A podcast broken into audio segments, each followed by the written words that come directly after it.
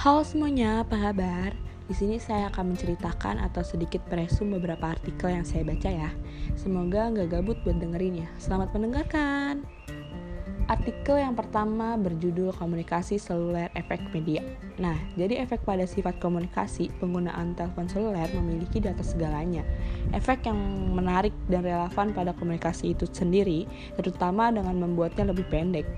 Banyak efek dalam kategori ini berasal dari sifat fisik perangkat. Pertama, selain kekhawatiran terkait radiasi, baterai ponsel menetapkan batasan durasi penggunaan ponsel karena berbagai alasan. Apalagi pada tahap awal penetrasi ponsel, baterainya memanas sehingga menimbulkan kekhawatiran di kalangan pengguna. Baterai juga cepat habis, membuat orang enggan mempersingkat penggunaan ponsel mereka. Seiring berjalannya waktu, perkembangan teknis telah mengurangi efek ini secara substansial, namun tidak menghilangkan sepenuhnya. Faktor kedua yang telah mengurangi durasi panggilan seluler berkait dengan fakta bahwa sebagai bagian dari multitasking, sering kali ini merupakan aktivitas yang bersamaan dengan aktivitas seluler lainnya, seperti berjalan atau turun dari kereta, yang membutuhkan lebih banyak perhatian dari pengguna. Dalam hal ini, perbedaan antara telepon seluler dan telepon rumah jelas terlihat. Faktor ketiga yang mempengaruhi lamanya panggilan seluler adalah kesulitan mengelola percakapan dengan orang yang hadir pada saat yang sama. Keempat, kehadiran orang lain juga terkadang menghalangi percakapan yang panjang karena kekurangan privasi.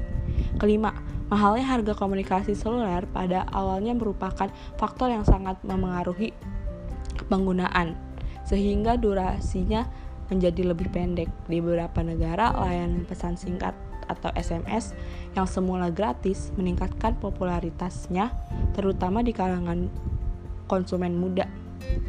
Tetapi bentuk komunikasi ini juga mendorong ekspresi yang ringkas karena panjang pesan SMS dibatasi hingga 160 karakter.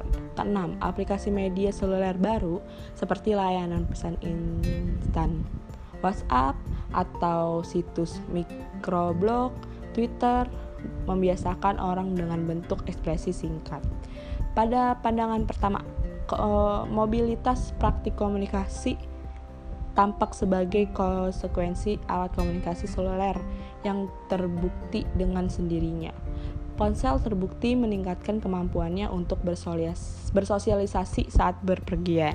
Dengan ponsel dan peralatan komunikasi seluler lainnya seperti PC tablet atau komputer laptop, sebagian besar penggunaan dapat berinteraksi dengan orang lain dalam perjalanan, terlepas dari batas ruang dan waktu.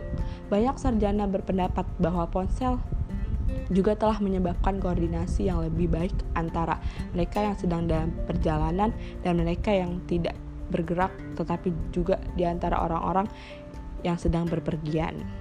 Uh, pengaruh penggunaan pada komunikasi seluler. Komunikasi seluler ada contoh yang baik tentang bagaimana penggunaan juga memodifikasi pola perilaku yang dimasukkan ke dalam desain perangkat ini oleh pengembangannya, uh, penggunaan seluler telah memperkenalkan banyak varian inovatif tentang cara dan tujuan asli penggunaan perangkat ini. Uh, kesimpulan, uh, ponsel adalah pertama kali yang pertama kali digunakan, khususnya untuk penggunaan pribadi.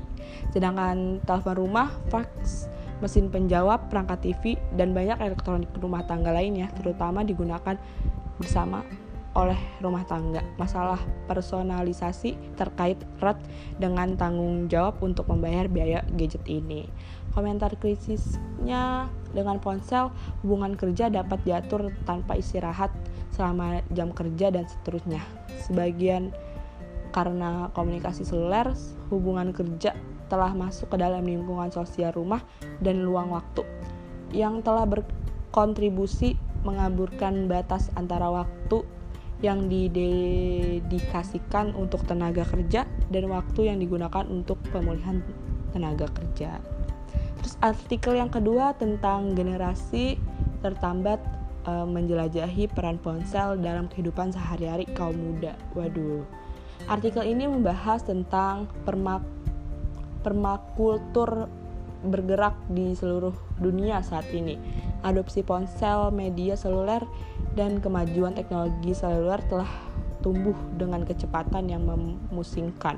Pada tahun 2012, 5,9 miliar langganan ponsel ada di seluruh dunia, setara dengan 87% tingkat penetrasi global dan 79% di negara berkembang. Waduh. Selama 4 tahun terakhir, mobile broadband telah meningkat 45% setiap tahunnya. Terus ada uh, mau bahas apa lagi ya um, permasalahannya kan ya. Permasalahannya untuk mengeksplorasi peran ponsel dalam kehidupan mahasiswa.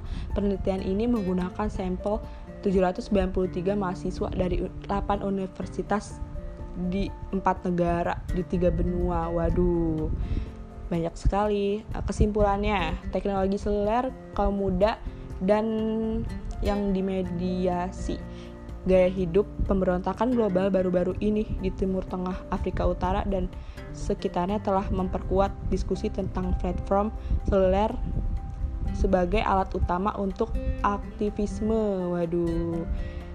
Untuk mengeksplorasi peran ponsel dalam kehidupan mahasiswa, penelitian ini menggunakan sampel 293 mahasiswa. Wadaw. Mahasiswa berada pada tahap formatif dalam kehidupan mereka. Sekian sih dari artikel yang saya baca. Uh, semoga paham dan selamat mendengarkan.